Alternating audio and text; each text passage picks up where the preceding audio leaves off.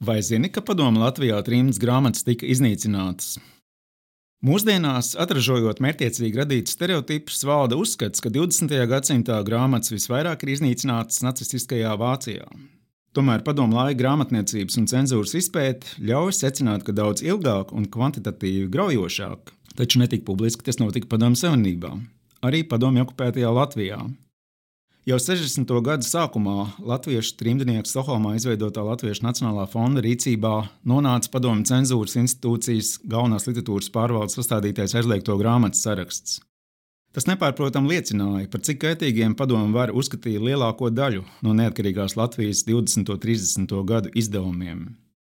Savukārt tās grāmatas, kuras latviešu trījus apgāde izdeva sākot ar 40. gadu otro pusi Vācijā, Zviedrijā, Amerikas Savienotajās valstīs, Austrālijā un citās mītnes zemēs, okupētajā Latvijā bija pavisam svešas.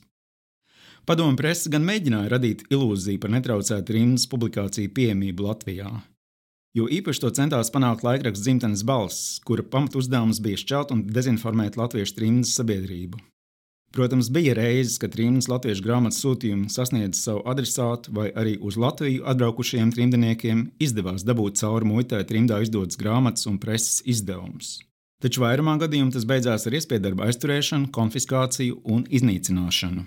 Ir jāapzinās, ka padomu varas par kaitīgiem pasludināto izdevumu liktenis pārsvarā bija tieši tāds.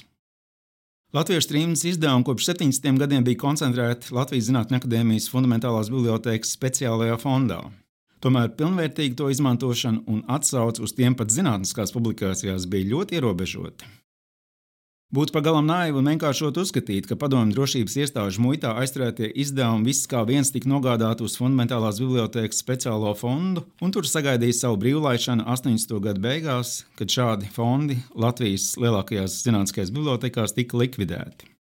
Tas patiešām bija visai skandalozi, kad 70. gados trījus presē parādījās ziņa, ka rietumos ir nonācis galvenās literatūras pārvaldes vadītājs Austris Lucevičs parakstīts dokuments.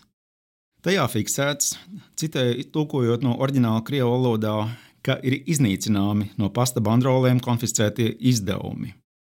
Edgara Dunsdorfa, Latvijas vēsture 1710-1800, Andrēja Eglīša grāmata Audiet mani karogā sarkanbalta sarkanā Bībele, kā arī vēl 16 vārdā nesaukti sīkdarbi. Šis padomju cenzūras dokuments ļoti uzskatām parāda, kādas grāmatas okupācijas var uzskatīt par nevēlamām. Ne tikai garīgo literatūru, bet arī Stokholmā dzīvojošā dzīsnieka un Latvijas Nacionālā fonda vadītāja Andreja Eglīša dzējas krājumu, kuru Ņujorkā apgādāja grāmatdraugs bija publicējis Helmārs Udzītis. Arī Austrālijā dzīvojošā Dunsdorfa Latvijas 18. gadsimta vēsturē veltīto pētījumu kur bija publicējis apgādes Daugava Stokholmā.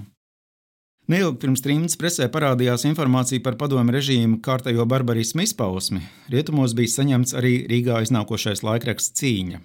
Tajā grāmatzinātnieks Aleksis Apīns bija aprakstījis situāciju 1525. gada rudenī Vācijas ostas pilsētā Lībekā, kad katoliskās varas iestādes bija aizturējušas un vēlāk lēmušas iznīcināt nosūtīšanai uz Baltiju paredzētos Mārtiņa Lutera piekritējiem domātos izdevumus latviešu un arī igauņu valodā.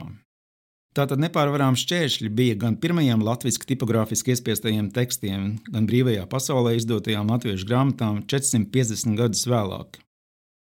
Padomju ierēģi nolaidību mūsu tautieši prasmīgi izmantoja, reproducējot šo cenzūras dokumentu Latvijas trījus izdevuma stendā Frankfurtas grāmatu gada tirgū 75. gada rudenī. Un tas lieliski parādīja, cik patiesībā ir vērts padomju kompartijas Bonzas Brežņo paraksts zem dažus mēnešus pirms tam Helsinkos parakstītā Eiropas drošības un sadarbības konferences noslēguma dokumenta. Edgars Dunsdors tajā pašā rudenī Melburnā saņemot Pasaules Brīvā Latviešu apvienības kultūras fonda godalgu par savu Rīgas muitā aizturēto grāmatu, teica: Tas ir man pagodinājums, kur neaizmirsīšu līdz mūža galam.